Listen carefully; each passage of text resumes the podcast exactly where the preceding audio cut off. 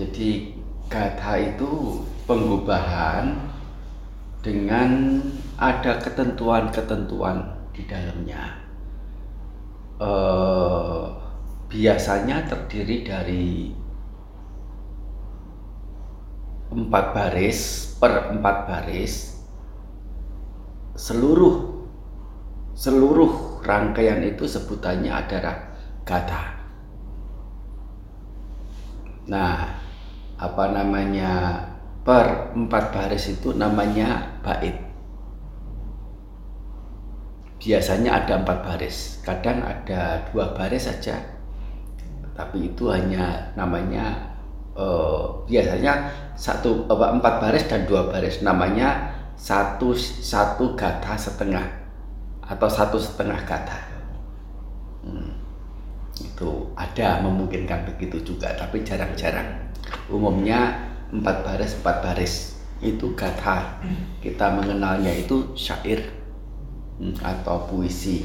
Ya itu uh, ya puisi atau syair.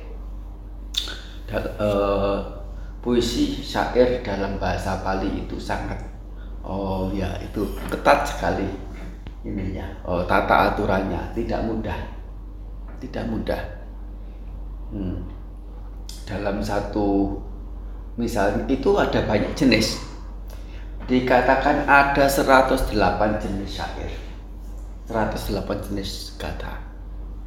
Salah satunya itu di antara itu yang ada itu misalnya Patyawata itu satu bait ada empat baris. Satu baris ada delapan suku kata. Nah delapan suku kata ini suku suku kata kedua atau ketiga itu harus ada garu. Garu itu tekanan berat.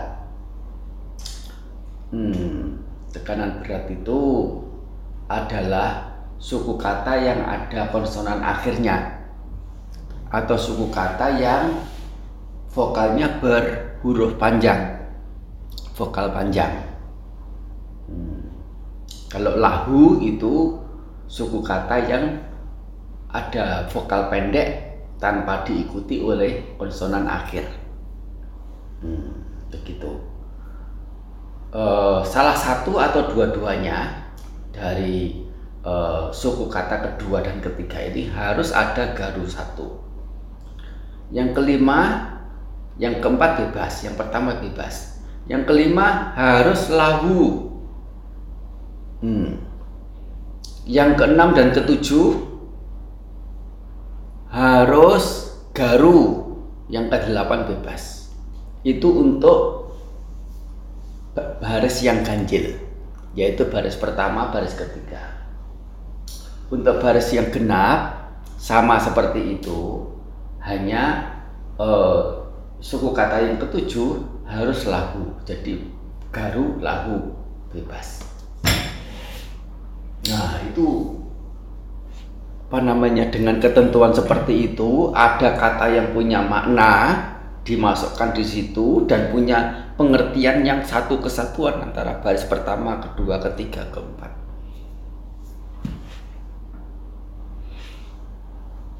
Nah, jadi itu bukan hal yang mudah untuk membuat. Nah, jadi ada apa ya ketentuan kriteria batasan dalam mengubahan sedangkan sutra itu adalah rajutan kata-kata yang mengandungi satu makna ajaran secara uh, secara totalitas untuk menjadi guidance dalam mempraktekkan hal-hal yang bermanfaat. Nah, uh, sutra ini bentuknya bisa berupa syair juga. Namanya sutra. Misalnya Karania Meta Sutta begitu. Nah, karena yang Meta Suta ini bentuknya adalah syair-syair. Ya. Tapi itu namanya suta juga. Atau ya, tapi ke, itu suta ini kebanyakan e, berupa prosa. Prosa itu artinya rajutan kata-kata yang berupa prosa mengerti ya uraian-uraian biasa. Hmm, eh, apa nam deskripsi biasa menjelaskan apa begitu. Satu paragraf demi satu paragraf. Satu paragraf bisa terdiri dari dua dua kalimat atau lebih. Mungkin bisa 50 kalimat. Ya mungkin bisa 20 kalimat satu paragraf atau satu alinea. Sekian alinea atau satu alinea saja atau sekian alinea jika itu sudah apa namanya uh, di uh, mengerti sebagai sesuatu yang lengkap di dalamnya sebutannya adalah satu suta.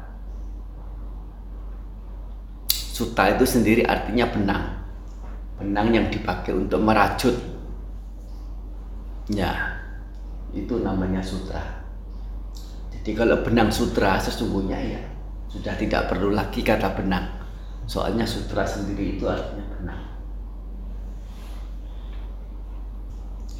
Hanya di sini eh, bedanya apa sutra dan gatha itu biasanya kalau gatha itu tidak punya judul kumpulan syair biasa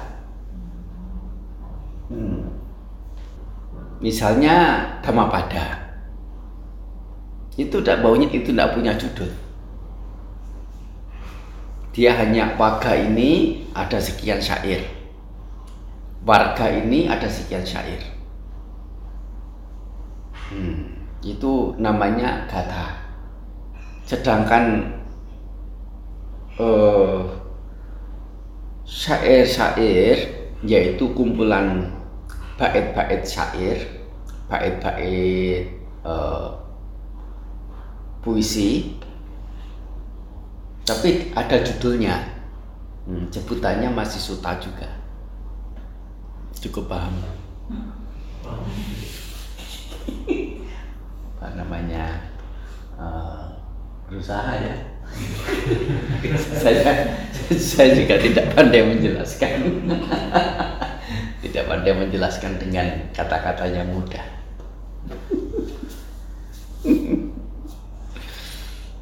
Gampangannya itu syair itu apa? Kata itu adalah syair dengan ketentuan pengubahan secara spesifik. Ada diatur jumlah suku kata dalam satu baris. Hmm, ada yang 11, ada yang 12, ada yang 14, ada yang tujuh. Hmm. ada yang tujuh sembilan tujuh sembilan tujuh sembilan. Ada delapan delapan delapan delapan delapan delapan delapan. Hmm. ada banyak macam. Yang diajarkan di Thailand untuk ujian Pali tingkat 8 itu salah satunya adalah mengubah syair. Tapi syair yang digubah dari 108 itu yang dipilih hanya enam saja.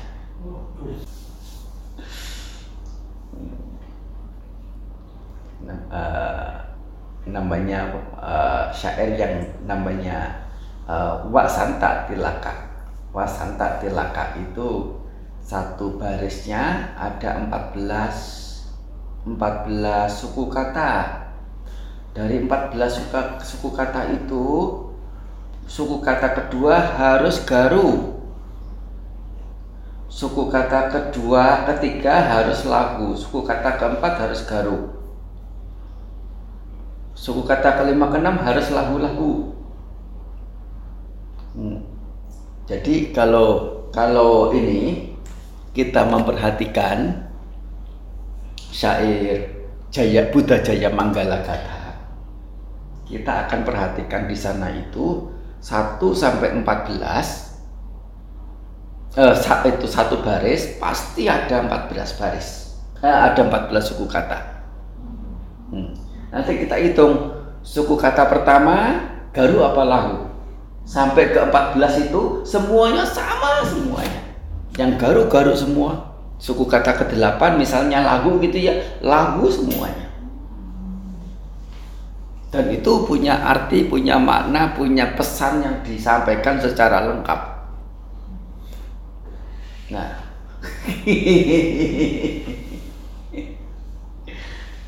Tidak gampang. Yaitu pengetahuan pengetahuan pendukung kita, eh, pengetahuan sekitar yang eh, menjadi apa eh, perhiasan kita selaku Buddhis ngerti apa itu gatha, apa itu sutra. Ya, bagus juga. Ini modalnya ya.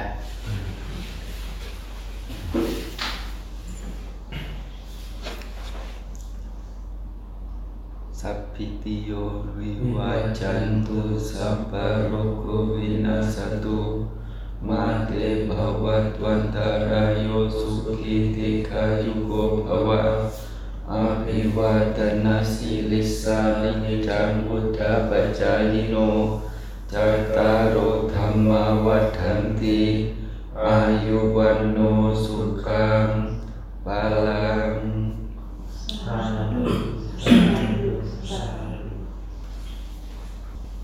Syair yang ada 14 baris itu kalau di Eropa seni penggubahan Eropa namanya soneta.